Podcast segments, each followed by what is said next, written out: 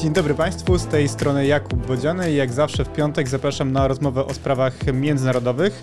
Możecie nas oglądać na YouTubie, a później słuchać na Waszej ulubionej platformie streamingowej. Jeśli lubicie to, co robimy, to subskrybujcie nasz kanał na YouTubie, czy nasz kanał na Spotify, czy na Apple Podcasts. Możecie też ocenić nasz podcast, e, lajkować i komentować nasze materiały. To dla nas bardzo cenne i serdecznie również dziękuję osobom, które wspierają finansowo kulturę liberalną. Nasze wideo podcasty ukazują się trzy razy w tygodniu tylko dzięki takiemu wsparciu i tylko dzięki naszym e, patronom. No i tutaj specjalne podziękowania jeszcze raz dla naszych widzów i słuchaczy, bo ostatnio znaleźliśmy się na trzecim miejscu w kategorii podcastów politycznych w Apple Podcast, także brawo my. E, I dziś rozmawiam ze współautorem tego sukcesu, który jest moim Państwo gościem. są współautorem. Tak, ale również nasz e, prowadzący i oczywiście redaktor naczelny Jarosław Kuisz. Dzień dobry. Dzień dobry, dzień dobry Państwu, witam. A skoro gościem e, jest Jarosław Kuisz, to wiadomo, że tematy francuskie. Nie tak dawno relacjonowaliśmy Państwu przebieg kampanii prezydenckiej we Francji, zakończonej zdecydowanym zwycięstwem Emmanuela Macrona, co też po pierwszej turze nie było takie oczywiste, natomiast ta druga tura została wygrana w zdecydowany sposób. I teraz 19 czerwca nad Sekwaną odbyły się wybory parlamentarne, druga tura tych wyborów i Macron też wygrał ale nie do końca. Po podliczeniu tych wszystkich głosów e, centrowa koalicja Macrona zdobyła 245 w liczącym 577 miejsc e, Zgromadzeniu Narodowym, czyli tej niższej, ale ważniejszej izbie parlamentu. I to więcej niż jakakolwiek inna grupa polityczna, natomiast e, mniej niż ta bezwzględna większość, która dałaby swobodę rządzenia.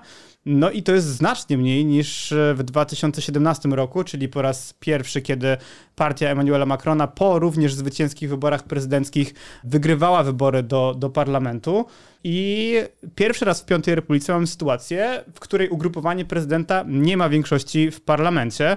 Wynik znacznie poniżej oczekiwań, szczególnie biorąc pod uwagę to zwycięstwo w drugiej turze wyborów prezydenckich. Czy to jest pyrusowe zwycięstwo Macrona?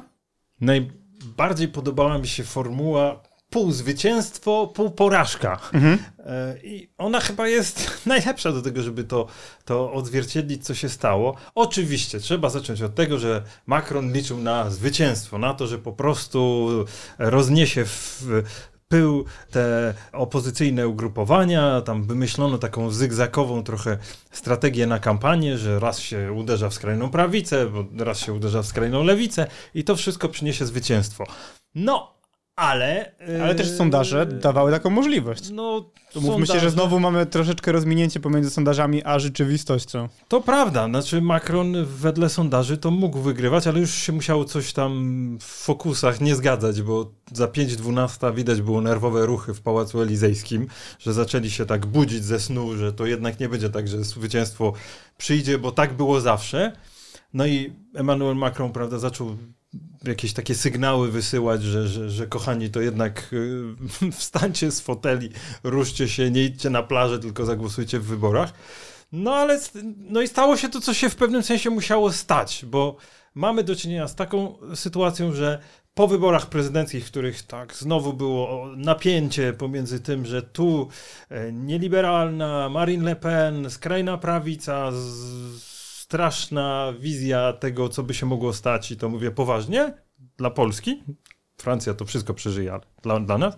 Natomiast y, z drugiej strony Emmanuel Macron, proeuropejski, bardziej przewidywalny, no już jednak oszlifowany i w każdym razie bez kontaktów z Putinem jakichś sekretnych. No i on wygrywa i tak jakby napięcie zeszło.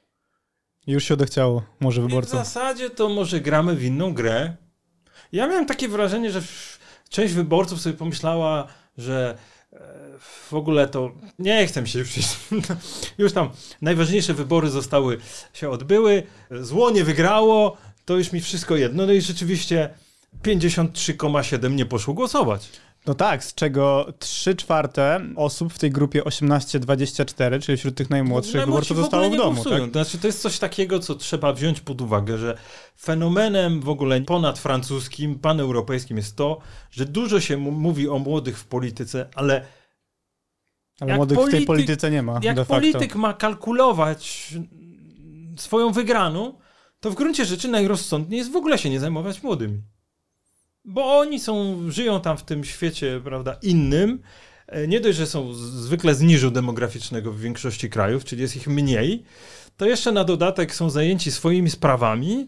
No i ta stare metody uprawiania polityki, bo nie jest tak, że polityka młodych nie interesuje, tylko te stare metody uprawiania polityki, które dają realną władzę, pieniądze, zasoby, decyzje, no że ich tam nie ma, no to po co się do nich zwracać? Więc absencja gigantyczna.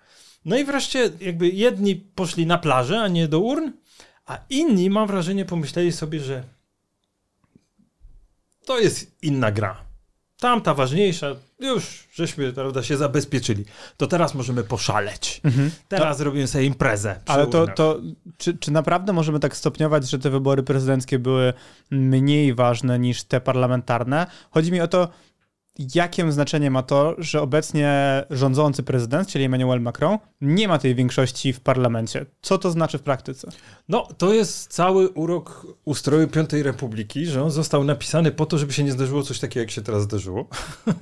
czyli e, coś, co natychmiast przywodzi skojarzenia z ustrojem Czwartej Republiki. To ja tylko przypomnę, że to do 1958 roku, po II wojnie światowej, była Czwarta Republika Francuska, która była bardzo demokratyczna i totalnie niestabilna. Tam rządy po prostu upadały i, wstawały non-stop. To był podobny garnitur polityków, którzy się aż tak często nie zmieniali, ale niestabilność, brak poczucia sprawczości, permanentne kryzysy, wojna w Wietnamie, ale ta francuska, prawda, z bitwą pod Dien Bien Phu przegraną, czy wreszcie kryzys algierski, którego Czwarta Republika nie była w stanie w ogóle rozwiązać, to wszystko spowodowało, że na białym koniu wjechał de Gaulle i nie tylko, że wjechał, ale położył na, na, na stół e, nową konstytucję Piątej Republiki, która miała zbierać doświadczenia, tu bezczelny de Gaulle mówił, jak to w zwyczaju, że wszystkie, prawda? Nie, nie będzie to, to nie chodzi o te kilka lat, które była Czwarta Republika, to chodzi o tysiąc lat Francji. Wszystkie doświadczenia zbierzemy i tak. Coś było na rzeczy.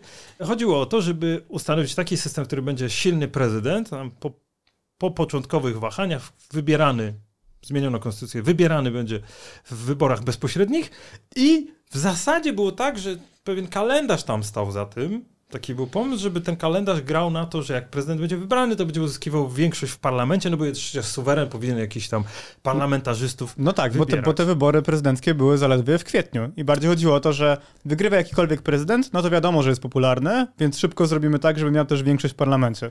Ale zaczęto rozmontowywać te, te, to narzędzie konstytucyjne. Jednym z takich ważnych zmian, które sprawiło, że ta nieprzewidywalność wkroczyła, no to jest yy, skrócenie kadencji prezydenta z 7 do 5 lat. To uruchomiło zupełnie inne kalendarze wyborcze.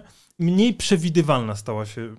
I co prawda już wcześniej mieliśmy, przed tą zmianą konstytucyjną, mieliśmy koabitację, czyli sytuację, w której prezydent jest z jednego obozu, a parlament z drugiego Za obozu. Za prezydenta Mitterranda. Za prezydenta Mitterranda i e, to powoduje, że e, i później też, tak, bo to trzy razy miała miejsce koabitacja. Nie wchodząc w szczegóły, chodzi o to, że mamy prezydenta z jednego obozu, a parlament z drugiego obozu i to zmienia w ogóle sytuację konstytucyjną. Bo normalnie to konstytucja została tak napisana. De Gaulle, Gaulle i jego następcy zdobywają władzę i potem wybierany jest parlament, który prawda, tylko potwierdza ten silny mandat prezydenta z wyborów powszechnych. No ale prawda, dekady mijają, ludziom się przestaje chcieć chodzić do wyborów, zmienia się społeczeństwo, zmienia się natura polityki i zaczęto demontować te te narzędzia. Skrócono z siedmiu do pięciu, żeby osłabić, żeby bardziej zdemokratyzować, żeby to nie było tak jupiteriańsko, żeby nie był ten prezydent takim, prawda, prawie monarchą konstytucyjnym, tylko żeby to osłabić, bardziej zdemokratyzować. No i to takie rozmontowywanie zaczęło wpuszczać nową, nową dynamikę i teraz oglądamy coś, co ku uciesze jednych, a zgrozie drugich, zaczęto komentować jako powrót de facto do czwartej republiki, ponieważ nagle parlament przestał być taki podzielony na dwa, w zasadzie było tak, że partia rządząca i opozycja i to było dość wyraźne, tylko mamy powrót do, do czwartej republiki, w której to parlament odzwierciedlając społeczeństwo, jego pstrokaciznę, no staje się miejscem, gdzie trzeba utrzeć kompromis, zawrzeć jakąś koalicję być może, no rzeczy, których w gruncie rzeczy nie oglądano wcześniej, bo system, konstytucja tak została napisana, plus ordynacja, żeby nie dopuszczać do takich mhm. rzeczy. A to się stało, no bo społeczeństwo francuskie się zmieniło i ten parlament do pewnego stopnia, może nie idealnie, ale odzwierciedla społeczeństwo francuskie w tym momencie. No właśnie, ja tu też dokonam autokorekty, to znaczy oczywiście nie była to pierwszy raz w historii Piątej Republiki, natomiast pierwszy raz od 20 lat. W 2002 roku mieliśmy podobną sytuację. Natomiast e, no to jest właśnie to pierwsze pytanie, o którym wspomnieliśmy tutaj. No nie brakuje tak wielu tych głosów e, Macronowi do, do tej większości, więc czemu nie zawrzeć jakiejś koalicji? To wydaje mi się, że jak ktoś patrzy na politykę e, niemiecką, no to mówi, przecież oczywiście tam się zawiera koalicje, wielkie, duże, mniejsze, świateł drogowych jamańskie, to rozumiem, że nie jest tradycja we francuskiej polityce to nie nasza kultura, mówią politycy i komentatorzy kiwają głowami, że jaki kompromis we Francji z tym, nie wiem, czy skrajna prawica będzie ze skrajną lewicą zawierać kompromis jakiś? Na pewno nie. No i tak, prawda, tutaj kogut francuski się unosi nad głowami, że nie, nie, nie, nie będziemy tutaj się dogadywać, ale potem przychodzi taka refleksja, no ale co, to sięgniemy do, po narzędzie konstytucyjne, tam jest taki sznurek nad parlamentem, prezydent prawda, rozwiązuje parlament i od nowa pewnych granicach, bo tam są, nie, nie, można tego robić ciągle, są, są pewne ograniczenia w Konstytucji z 58 roku, no ale jest takie narzędzie, no ale co z tego?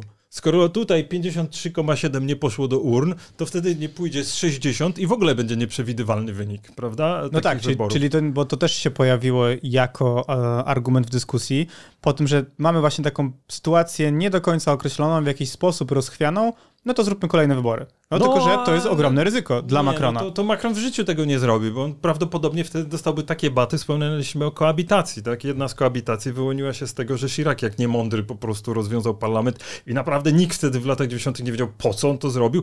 Przerżnął z Kretesem i była koabitacja z Jospenem. Natomiast, yy, natomiast teraz to jest taka sytuacja zupełnie nowa rzeczywiście, bo pomimo tych filtrów konstytucyjnych mamy skrajną prawicę, skrajną lewicę, czyli ideologicznie one się teorii nie, nie powinny w ogóle dogadać. Mamy to centrum, ale takie, które nie przeważa, jakąś taką drobnicę, jeszcze mamy inne ugrupowania i biorąc to, biorąc to pod uwagę, nagle się okazuje, że zdarzyła się rzecz, której nie widziano od dawna. Ośrodek władzy przesunął się do zgromadzenia. To znaczy, że widać, że to nie jest tylko pałac elizejski, ale zgromadzenie. Jak dużo władzy tam wywędruje, to jest otwarte.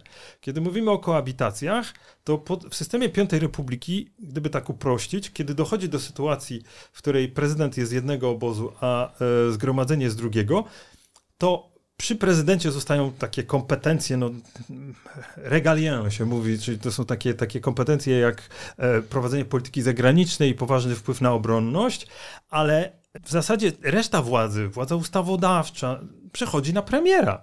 I ten ośrodek władzy się nagle przesuwa, prawda? I tam zaczyna rodzić się. Prezydent zachowuje pewne uprawnienia, ale nagle parlament staje się potężnym narzędziem sprawowania władzy, a prezydent, władza prezydentka natychmiast topnieje. I teraz mamy do czynienia z podobną, ale jeszcze trochę inną sytuacją. To znaczy, ten prezydent niby wygrał, ale przegrał, więc on jakiś wpływ na ten parlament będzie miał. To nie jest sytuacja koabitacji, ale będzie musiał, trzeba będzie w tym parlamencie dobierać prawdopodobnie. To jest właśnie otwarte pytanie. Fantastycznie ciekawe, żeby dobierać do konkretnych projektów w większości. Tak, no bo, no bo to albo była taka opcja, jeśli ta przegrana, a raczej wygrana Macrona byłaby większa, bo teraz zabrakło mu 44 głosów do, do tej bezwzględnej większości, ale jeśli zabrakłoby mu mniej, no to była taka mm, proponowana metoda, żebyśmy do każdego głosowania albo na przykład y, trwale zabrali kilku posłów z jednego ugrupowania i byłoby, mielibyśmy tą większość. Albo teraz będziemy musieli do każdego głosowania montować osobną koalicję, ale to sprawia, że wszelkiego rodzaju takie duże reformy, o których Macron mówił zresztą od samego początku, no raczej będzie mu bardzo trudno przeprowadzać na czele z tą reformą emerytalną, czyli z podwyższeniem wieku emerytalnego z 62 do 65 lat. Dziennikarze zaczęli prosić o akredytację w parlamencie.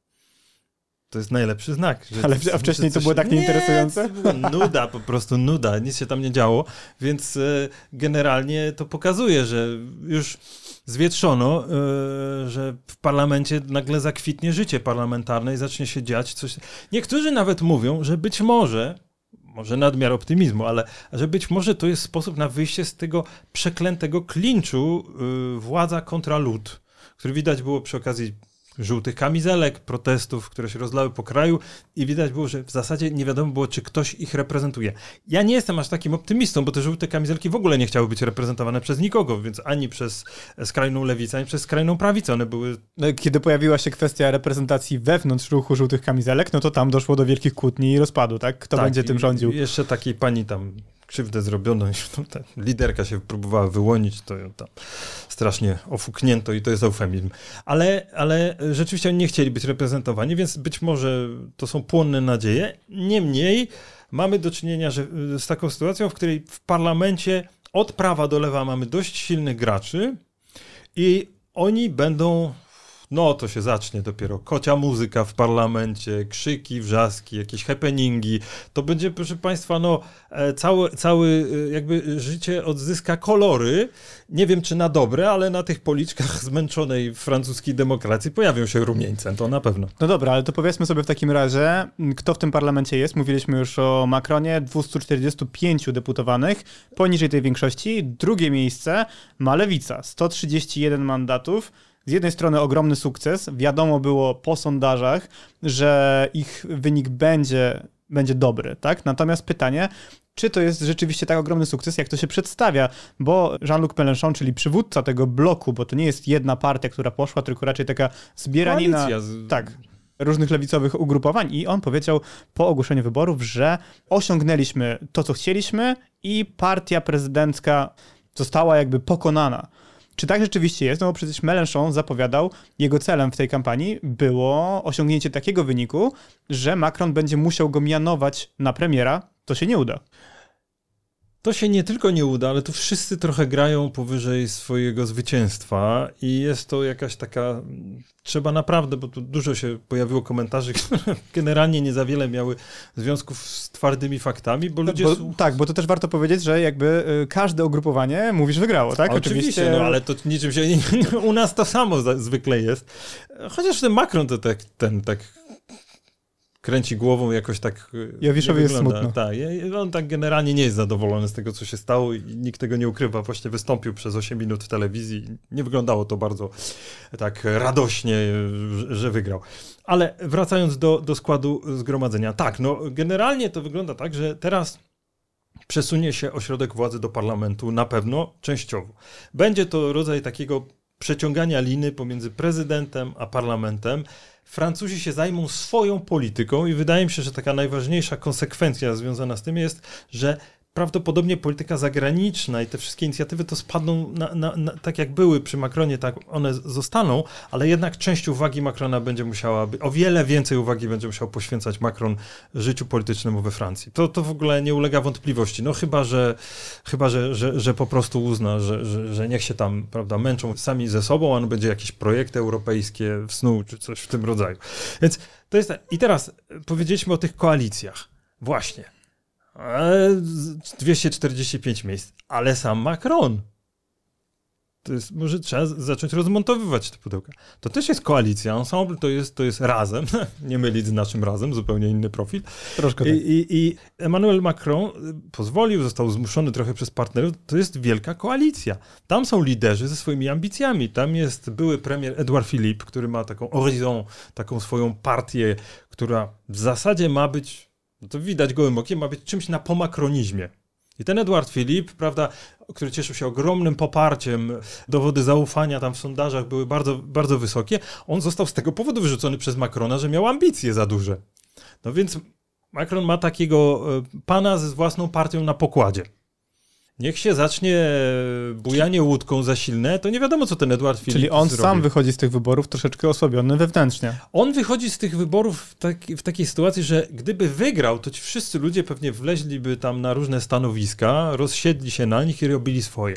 Ale w takiej sytuacji, kiedy Edward Filip myśli o tym, że za pięć lat będą wybory prezydenckie i on by chciał je wygrać, no to oczywiste jest, że będzie tam wietrzył okazji. To nie jest jedyny, jest jeszcze, jest, jest jeszcze François Bayrou, wyjadacz stary, partia Modem, która wspierała Macrona tam w początkach, w dużej mierze przyczynił się do tego, że Macron osiągnął tak duże zwycięstwo, Ale Bajru y, też ma swoje ugrupowanie, też może się okazać, że jak się łódka trzęsie, to zacznie kalkulować na siebie, więc ja bym zaczął od tego, że takie rozmowy o, o, o tym, ile miejsc ma Macron, są niepełne bez y, doprecyzowania, że to jest koalicja, w której jest kilku graczy, którzy w pewnym momencie mogą zwietrzyć, że im się to już nie opłaca. Więc to, jeśli chodzi o Macrona. Mhm. Potem największa paszcza, prawda, tych wyborów, czyli Jean-Luc Mélenchon, to jest ten trybun lewicy, e, fantastyczny polityk, wielki instynkt nie wygrał wyborów prezydenckich, był na trzecim miejscu, no to bezczelnie się ogłosił, że w zasadzie to on zostanie premierem.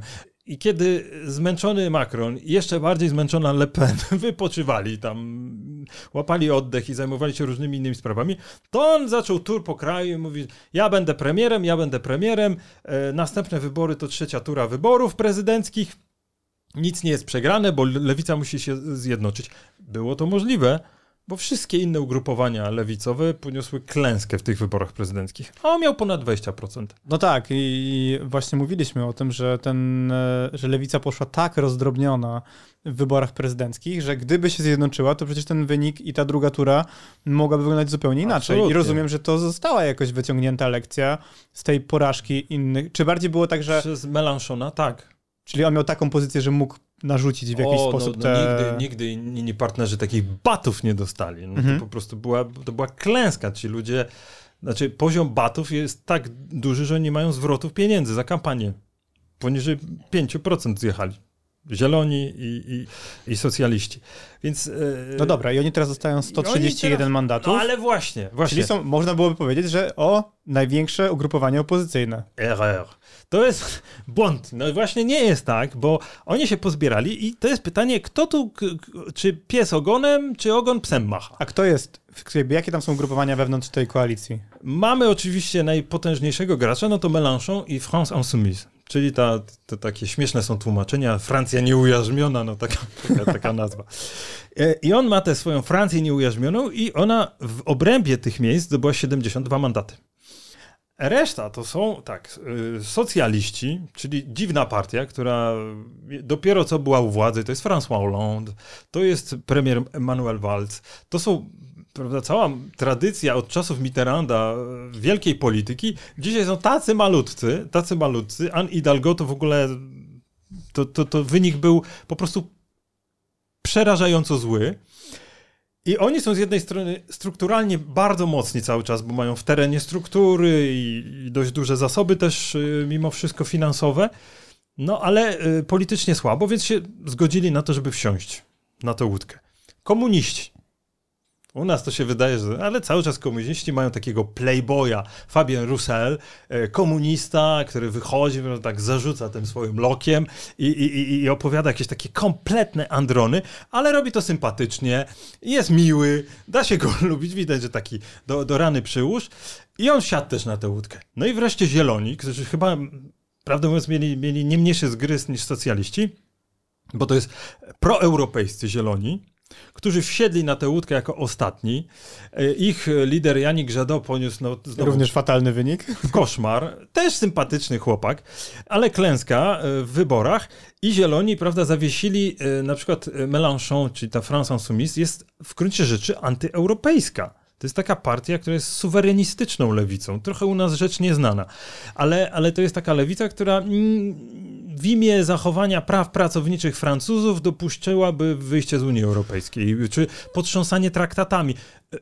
Czasami jak słucham Melanchona, to mam wrażenie, że to jest kalka Jarosława Kaczyńskiego, sposobu myślenia o traktatach europejskich, czy Wiktora Orbana, tylko z lewej strony.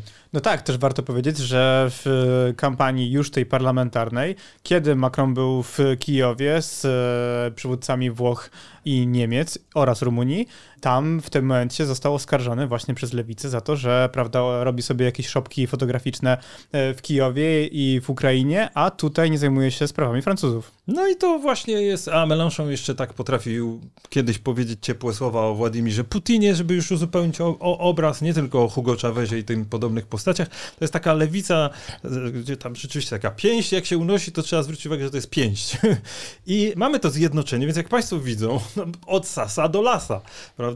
I France Insoumise, i socjaliści, i komuniści, i zieloni i w zasadzie to się nie klei. No i pierwszego dnia po wyborach Mélenchon wychodzi i tak sobie, prawda, rzuca, to zrobimy jedną grupę parlamentarną. To tam trzeba mieć 15 posłów przynajmniej. A reszta mówi, zaraz, a gdzie to było napisane? A nie było, a to nie ma, nie będzie żadnej grupy. No i rzeczywiście e, pierwszego dnia po wyborach już trzasnęło w tym, prawda, w tej koalicji lewicowej, której niektórzy mówili, że renesans lewicy, że co to się nie stanie, a tam już trzasnęło.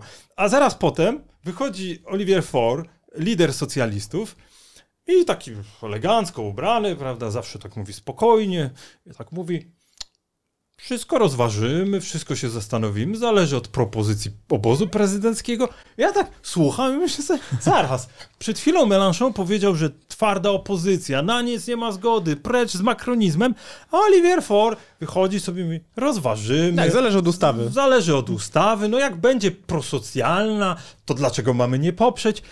E, potem wychodzi Fabien Roussel, ten komunista, prawda, e, i mówi, że nie było żadnych uzgodnień, że Mélenchon, że on trzyma się litery porozumień, ale Mélenchon tutaj wykroczył poza literę porozumień i że on nie rozumie tego i uważa, że to jest szkodliwe tego typu. I to pierwszy dzień jest. Więc ja tak sobie wyobrażam, że ten parlament będzie tak nieprzewidywalny, a jeszcze nie dojechaliśmy, prawda, do następnych ugrupowań. Tak, no jest... właśnie. Także teraz przechodzimy, yy, mówiliśmy parę, wspomnieliśmy o ciepłych słowach a propos Władimira Putina, no to tutaj jest oczywiste jedno skojarzenie z Marine Le Pen, która również odniosła i tutaj chyba nie musiała tego specjalnie przedstawiać jako swój sukces, bo to jest rzeczywiście ogromny sukces, największy dla jej rodziny i dla tej rodziny politycznej, dla Zgromadzenia Narodowego, czyli dawnego Frontu Narodowego, dawnej skrajnej prawicy, rozumiem już teraz przedstawianej jako centroprawicę. Tam było dużo tego pudrowania, e, o czym my też mówiliśmy przy okazji wyborów prezydenckich. Natomiast 89 e, mandatów e, i wychodzi chyba na to, że główną siłą opozycyjną wobec Macrona, taką zjednoczoną, nie taką jak lewica, mhm. będzie właśnie Marine Le Pen. Marine Le Pen jest niezrównana. Ona jak sądzi, że wygra, to przegrywa. A jak sądzi, że przegra, to wygrywa. To jest po prostu polityczka pozbawiona jakiegokolwiek instynktu politycznego. Ona się zawsze myli. Ale to nie zmienia. Czasem faktu. na swoją korzyść. No tak, ale teraz się pomyliła. No, ona była przekonana, że przegra. Tam były różne wypowiedzi, które nam, nam wyciągane i wychodziło na to, że ona nie wie, czy zgromadzi ten... Ona mówiła, że będzie dobrze, będzie dobrze, bo powinniśmy dotrzeć do, do poziomu grupy parlamentarnej, czyli 15. Czyli 15. Więc ona niezrównana Marine Le Pen znowu się pomyliła. Tym razem, prawda, e, rzeczywistość zagrała na jej korzyść. Trzeba powiedzieć, że jest uparta, i co by nie mówić, te dediabolizacje, to pudrowanie własnego wizerunku uprawia konsekwentnie. To jest być może najbardziej konsekwentny rys jej polityki, bo co do pozostałych, to trudno powiedzieć, jakie są jej przekonania momentami.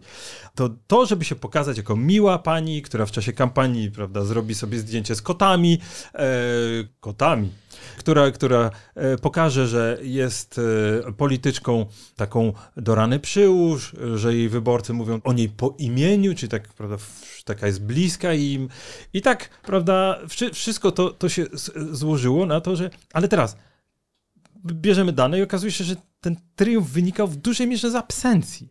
Bo oni w wielu okręgach zdobyli te mandaty o włos o włos. No to nie zmienia faktu, prawda? To nie podważa ich mandatów, ale widać, że ta absencja, te 53,7 to wygrało ogromną rolę, bo to były czasami jakieś mikroskopijne różnice w głosach. Czyli przez to, że ktoś nie poszedł, to wynik tego frontu narodowego tak, tak e, wystrzelił. Więc niezrównana Marine Le Pen ma teraz 89 e, mandatów i pełna zgoda. To jest gigantyczny sukces. Jeżeli mówimy o tych różnych ugrupowaniach, to wszyscy już jak ten kurz opadł, zdali sobie sprawę, że to ona jest zwycięzcą. Tak, znaczy to się przekłada na twarde korzyści. E, Front Narodowy, a teraz Zgromadzenie Narodowe w przeszłości miało na przykład bardzo wiele problemów finansowych, stąd kwestia słynnej pożyczki od e, rosyjskiego banku związanego z Kremlem. Można było pożyczać z różnych miejsc. To też prawda, oczywiście, natomiast teraz Zgromadzenie Narodowe będzie otrzymywało 10 milionów euro rocznie. Nie, no w ogóle dostaną czas... E, antenowy.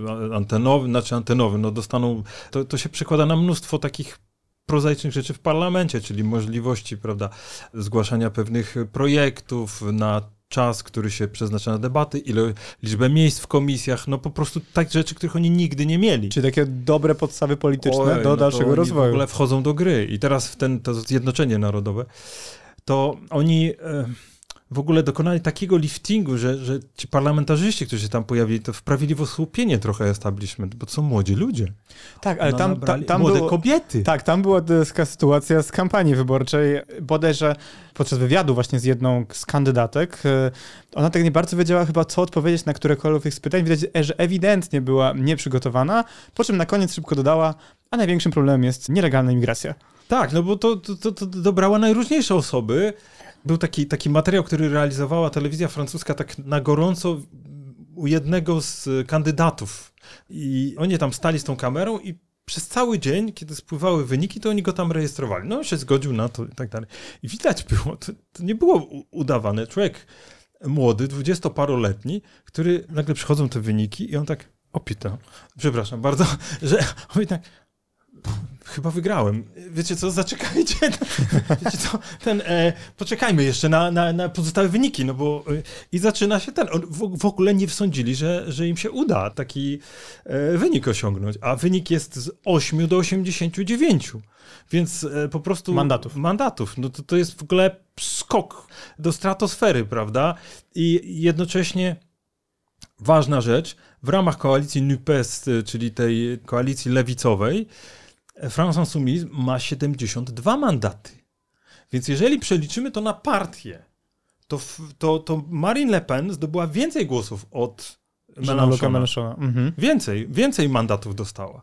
Stąd teraz zaczęła się batalia o komisję. Tych komisji jest kilka, bodaj osiem. Komisja finansów jest strasznie ważna, bo ma poważne już uprawnienia kontrolne. Można po prostu wparować do urzędów i tam żądać dokumentów. I zaczęła, bo tradycja, e, tradycja w parlamencie jest taka, że dostaje te komisje najważniejsza partia opozycyjna. Czyli Marine Le Pen. No właśnie, kto? Nie wiadomo bo Mélenchon nie zamierza rezygnować. Powiedział, że NUPES ma, prawda, 131, no to jak ma 131, to on. I dlatego mówi się, że to dlatego chciał mieć to, to, mówić o tym, żeby mieli jedną, jedną grupę parlamentarną, a nie cztery, tak jak Fabian Russell chciał, mówi, że będzie. I nie wiadomo, jak to się rozstrzygnie. To, to od razu sobie po, powiedzmy. E, no i to są takie może drobiazgi z naszego punktu widzenia, prawda? Takie, ale one się przykładają na konkrety. No to jest powód, dla którego można będzie wsadzić kij w szprychy Macronowi, dla którego być może te wszystkie prace w parlamencie mogą spowodować, że on nie będzie mógł tyle uwagi poświęcić Ukrainie na przykład, tak, że trzeba będzie się zajmować tym parlamentem przy każdej ustawie. Przecież to będzie jakiś gigantyczny wysiłek logistyczny, żeby do każdej ustawy ważniejszej Szukać osobnej większości. Szukać osobnej większości, bo nie wiem, sprawy bezpieczeństwa to będzie, tu jeszcze nie mówiliśmy o tych republikanach, którzy mają 61 mandatów i to jest też ciekawa sprawa, czyli to centroprawica. Czyli ta, która potencjalnie w jednym scenariuszu miałaby rządzić razem z Macronem. No ale Christian na... Jacob powiedział, jak mało który z polityków, że na pewno nie. I teraz wszyscy łamią głowę. Czy on zwariował, czy też walczy o zachowanie tożsamości tych, tych republikanów? Czy no, podbija stawkę na Czy przykład? podbija stawkę? Nikt, nikt nie wie, to się wyjaśni w najbliższych dniach, ale 61 mandatów ma. To jest potężna siła. Partia, która tonęła, nagle stała się języczkiem uwagi i e, widzimy, że znowu wracając do tej pani premier, która cały czas się uchowała, Elizabeth Born, że Elizabeth Born jeszcze. Jeszcze, jeszcze no bo Macron powiedział, że tam ten ustalili, że ona zostaje póki co. 5 lipca się wyjaśni sytuacja, ale na razie pani Elizabeth Born zostaje i ta pani technokratka, no super nieinspirująca pani w przemówieniach, tam charyzmy to niespecjalnie e, widać, może jest, wewnętrzna, ukryta, ale, ale, ale w każdym razie... Znamy takie osoby z polskiej polityki. Tak, no ona właśnie, właśnie, że jest taką, taką postacią, która, którą Macron wybrał dlatego, żeby mu dobrze zarządzała, prawda, rządem, no, a on, żeby się mógł zajmować Europą, Ukrainą i innymi ważnymi rzeczami. Więc ona teraz tam będzie musiała montować za każdym razem, e, jak sprawa bezpieczeństwa, to pójdzie do prawicy, a jak sprawa jakichś e, socjalnych e, ustaw, to na lewicę, no przecież to będzie jakiś koszmarny wysiłek. A, a wszystko na to wskazuje, że tak będzie. No tak, ale właśnie wydaje mi się, że w tej sytuacji, gdzie prezydent posiada większość w parlamencie, znaczy jego ugrupowanie posiada tę większość, no to taka osoba jest dobra, tak? To znaczy ona właśnie ma takim być technokratą zarządczym i wykonywać de facto polecenia prezydenta. Jaki się tam ci tak, panowie tak. nie rozejdą. No właśnie, nie, ale bo... mówię, że, że w sytuacji, gdyby, gdyby rzeczywiście Macron miał tę większość, czyli w poprzednim parlamencie, natomiast teraz to ten, ten premier zyska ogromnie na znaczeniu jak sobie parlament, no i on będzie taką chyba docelowo charyzmatyczną figurą. Albo, albo kobietą do bicia, albo chłopcem do bicia, no to jest coś e, bardzo, bardzo to jest ciekawe i trudne do przewidzenia, bo cały czas mam wrażenie, że jeszcze nie widzimy ambicji tych polityków z obozu Macrona, tych dżentelmenów, którzy już pokazali, że chcą czegoś. Bayruk kandydował parę lat temu na prezydenta sam. Dlaczego nie miałby się znowu o coś tam pokusić? Chyba, że jest zmęczony, no bo już swoje lata ma. Edward Filip to na, na pewno no, założył własną partię nie po to, żeby prawda, jeździć w, po kraju i, jeść sery popijane winem, tylko po to, żeby jakiś polityczny nie tylko dlatego. Nie tylko, no wiadomo. O, to jest ten, to jest hedonista trochę. Więc, e, więc e, nie tylko po to. Więc on, on tam pewnie będzie kombinować. Dlaczego nie założy takiego scenariusza, że on w pewnym momencie zaszachuje, prawda, panią Born, e, żeby uzyskać coś więcej, albo nawet Macrona, żeby to jest wszystko otwarte. Najważniejsze jest chyba to, że widać, gdybyśmy mieli powiedzieć o jakichś takich trendach, prawda, z które z polskiej perspektywy można było zobaczyć. To jest tak, banialuki na temat powrotu lewicy.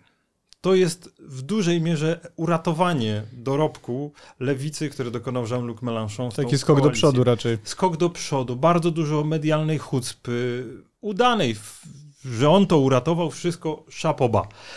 Ale jak się zbierze te wszystkie, ale nawet lewica nazywa Macrona, że to prawica, tak? To jeżeli się weźmie pod uwagę Macrona, Marine Le Pen, republikanów i to wszystko się zbierze, to ta druatyzacja, jak się mówi, czyli skręt Francji na prawo, no jest faktem ewidentnym. No to po prostu wystarczy spojrzeć, ile tych deputowanych realnie jest po prawej stronie.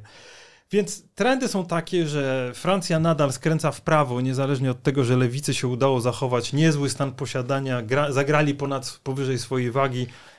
Może i nawet tym lepiej, bo jest więcej innego głosu w parlamencie. Ale też ten pamiętajmy o tym, że, że, że, że France Insoumise to jest partia suwerenistyczna, więc w gruncie rzeczy takie e, wskazówka na to, że ta Francja będzie się zajmowała sobą i swoimi interesami jest bardzo silna. I co to dla nas oznacza? No to oznacza, że ja naprawdę nie wiem, jak zareagują Francuzi na rozszerzenie Unii Europejskiej o Ukrainę. Jestem pełen obaw, ponieważ śledząc te trendy, nie tam jakieś, że teraz ktoś wyjdzie i z obozu Macrona nawet powie, że wspieramy Kijów i tak dalej, to w ogóle nie ma... Ale w takiej długiej perspektywie, tak? Nawet w średniej, nawet w średniej, że, że za pięć lat coś się może wydarzyć. Wydaje mi się, że jeżeli, że jeżeli we Francji dużo mówiono o tym błędzie rozszerzenia. O, o Polskę. Polskę, o Węgry. No, dziękujemy, dziękujemy naszemu rządowi. To w przyjęcie Ukrainy, w której e, różni eksperci wychodzą i to są ludzie, którzy są słuchani i mówią zaraz, a co z korupcją w Ukrainie? Co, ona znikła? Przecież to był jeden z wielkich problemów przed wojną. No ale wojna jest. No dobra. Co z granicami, które się przesuwają? Przecież są strefy, granice są bardzo ważne dla Unii Europejskiej. No ale wojna. Co z y, gigantycznymi stratami? Dlaczego my mamy płacić za wojnę w Ukrainie? Dlaczego nie Rosja ma płacić, która niszczy? Dlaczego Unia ma płacić? No ale wojna. Ale y, przecież y, mamy inflację, której nie widziano od lat. Takie we Francji jest popłoch, prawda, że te pouvoir d'achat, prawda, że siła nabywcza maleje, że, że inflacja. No ale wojna. Tak, to ten jakby siła tego argumentu się będzie dewaluować z czasem. Ale on w ogóle nie jest zbyt mocny. My pamiętamy, rozmawialiśmy o tym poprzednim razem, że mamy twarde dane. Jak przyszło do ankiet pod koniec wyborów prezydenckich, co jest dla was, Francuzi, najważniejszym tematem? I to nie teraz, tylko wtedy, przed wyborami prezydenckimi, przed drugą Siła turą. nabywcza. Siła, siła nabywcza, nabywcza i siła nabywcza. 55%, Wojna, jeśli dobrze pamiętam, bo tam topniało z 15 do jakichś 12-13%, to kilkanaście procent. Proszę Państwa, wtedy u, w Polsce, pamiętam to, bo, bo sprawdzałem, 80-90% to był temat wojny. Więc proszę sobie zwrócić uwagę na to, że my mentalnie jesteśmy w dwóch różnych światach. W dwóch różnych światach. I, i z tej dopiero perspektywy widać, jak Emmanuel Macron robi te swoje szpagaty pomiędzy Kijowem a Moskwą, to trzeba. Ja rozumiem, że patrzymy na nasza chata z kraja i nas obchodzi, co, co z naszego punktu widzenia, ale z jego punktu widzenia to ja bym powiedział, że raczej się dziwię, że jemu się chce pewne rzeczy robić. Bo u niego elektorat to nie jest taki hop do interesowania się wojną. Widzą, prawda, na ekranie telewizorów ten, ten, ten screenshot z rosyjskiej telewizji, że bomba leci na Berlin, na Paryż i na, na Londyn i myślę sobie zaraz, no pff, to mi przeszkodzi w zjedzeniu obiadu, nie? To, to mam wak wakacje przed sobą. No, czyli konkretnie mówiąc, zaburzy po prostu mój styl życia A, i mój status. To, to, jest to, ale ich styl życia już jest zaburzony, ponieważ te ceny szybują. E, opowiada się straszne rzeczy, prawda, o cenach paliw i gazu, które będą rosły w ciągu roku i w efekcie, mimo że Francja akurat ma, ma elektrownie atomowe różne rzeczy powodujące, że są ale czują to, to jest kryzys, to już się dzieje. I czasami słucham takich reakcji, widać, że, że, że w mediach, to proszę pamiętać, ludzie tam kontrolują cały czas, jeszcze cały czas wykazują etos powściągliwości, ale Wystarczy włączyć BFM, różne takie telewizje, które polegają na tym, że jak na Foxie się jedziesz. I, i, i to, to, widać, że jest, że jest e, taka tendencja do myślenia, czy oni mogliby już przestać? Jacy oni? No ci na wschodzie, no już mogliby przestać, no ale jak to, to ci na mogliby już przestać. Niech się dogadają. Niech się dogadają, niech zrobią coś. Już te, y, wszystko jedno co, tak? I to jest coś takiego. Mało tego, ja wróciłem akurat z Wielkiej Brytanii i tam e, w BBC można było zobaczyć dziennikarzy w głów, główny nurt, tak? Którzy tak jakby uprzedzająco mówili do, do brytyjskich dla odmiany wyborców, tak mówią, słuchajcie, no są trudności i tak dalej. E, politycy nasi muszą się liczyć z resentymentem rosnącym wobec wojny. Tak myślę sobie, zaraz, no to takie ktoś owija w bawełnę, tak naprawdę to, czym przed chwilą powiedzieliśmy, że już skończcie tę wojnę, tak? Że chcemy. Akurat w Wielkiej Brytanii, to trzeba powiedzieć, poparcie dla sprawy ukraińskiej jest bardzo duże i tu wszystko jedno, co sądzimy o Borysie Johnsonie, on tam rzeczywiście udzielają poparcia i wsparcia, no ale nawet tam dobijają się takie głosy. No to weźmy tak właśnie francuską opinię publiczną, jeszcze lepiej włoską, prawda, która tak, znaczy wydaje mi się, że to też jest szczególnie ciekawe. Mówiliśmy o tym stosunku w średnim i w długim terminie Francuzów i francuskich polityków do ewentualnego członkostwa Ukrainy w Unii Europejskiej. To będzie wielki I, problem. Tak, i to, co, o co Polska zabiega, tak, właśnie się kreuje na takiego adwokata tej europejskiej sprawy Ukrainy, no tylko jednocześnie nie zwraca uwagi na to, że Polska jest jednym z kluczowych takich markerów i znaczników tego, dlaczego oni tej Ukrainy w chcą, Unii tak. Europejskiej nie chcą, bo skoro mieliśmy problemy i mamy takie problemy z Węgrami, które są przecież de facto bardzo małym krajem, e, mamy takie ogromne problemy z Polską, no to po co będziemy sobie tworzyć jeszcze większy problem w postaci Ukrainy? I tu też jest e, kolejny argument, jeśli chodzi o Francję. No to kto jest największym beneficjentem wspólnej polityki rolnej, która stanowi większość unijnego budżetu? Oczywiście. no to, francuscy rolnicy. I była o tym mowa w publicystyce francuskiej, o tym się mówi. Zaraz, czy wy się zastanowiliście nad tym, co będzie z polityką rolną, jak weźmiemy kogoś takiego jak Ukraina? I będziemy dopłacać do czarnoziemów to wiesz, wy, wy, wytną nas w pień francuskich będzie wtedy jak u Welbecka, prawda, w powieści, że rolnicy płaczą, wieś upada, tak? Tak, no to jest, to jest cały, cała pakiet tematów, których u nas się nie bierze. Ja to rozumiem, no, no bo nas interesuje trochę co innego. Nas interesuje wojna i geopolityka, i egzystencja państwa, tak? To są tematy numer jeden. Gotowi jesteśmy do wyrzeczeń, jak wynika z sondaży. No bo wojna się toczy za naszą bo, granicą. Bo wojna jest tuż, tuż, prawda? A nie tysiąc kilometrów, czy parę nawet Ale tysięcy. Dla, dla, dla krajów, które są położone gdzieś dalej, to jest trochę tak, że no to nie jutro, a może pojutrze, a może za trzy dni, e, że przystąpienie Ukrainy do Unii może przynieść tak gigantyczne konsekwencje, że no nawet jak weźmiemy pod uwagę, że teraz Emmanuel Macron znowu wraca do pomysłów właśnie kół koncentrycznych europejskich, że, że wśród zgłaszanych przez niego pomysłów jest to, żeby była Europa wielu prędkości. No to na co to jest reakcją? No dla mnie jest oczywiste na to, że e, ponieważ Europę się trudno zarządza, jest to świetny projekt, tylko beznadziejnie prawda, skomponowany. No łatwiej się zarządza małym klubem. Z całą pewnością, więc on chciałby dokonać takiego wycofania, czyli prawdopodobnie, no oni wszyscy marzą o tym, żeby wrócić do szóstki, którą się da łatwo zarządzać. Jeszcze najlepiej, żeby to były Niemcy podzielone, bo wtedy tam, prawda, nie podskakiwać tak jak teraz w Berlinie. Ale, ale, ale wrócić do takiego mniejszego klubu, dogadywać się z tymi Niemcami przewidywalnymi, może jeszcze paru partnerów, nie wiem, Skandynawia, jakieś przewidywalne kraje, ale ta Europa Środkowo-Wschodnia z tym ich łamaniem praworządności, z tą ich masową emigracją, z tym, z tym wciąganiem w konflikty z Rosją, e, nie mówię, że wszyscy tak myślą. Przeciwnie, opinia publiczna jest podzielona. Ale widać po tym, jak rośnie temu zjednoczeniu narodowemu, jak rośnie suwerenistom na lewicy, że to jest problem, który będzie się dobijał w najbliższych latach bardzo mocno i te wybory parlamentarne dowodzą tego znakomicie, że powinniśmy widzieć. Za chwilę czeka nas prawdopodobnie bardzo duży kryzys w związku z wojną w Ukrainie, ale nie na poziomie wojny, tylko na poziomie rozszerzania Unii Europejskiej. Z trudem sobie wyobrażam, żeby to nie miało wybuchnąć w postaci jakiejś właśnie kolejnej agendy politycznej, w której będzie, będzie, będzie wyraźny sprzeciw wobec tego rozszerzenia.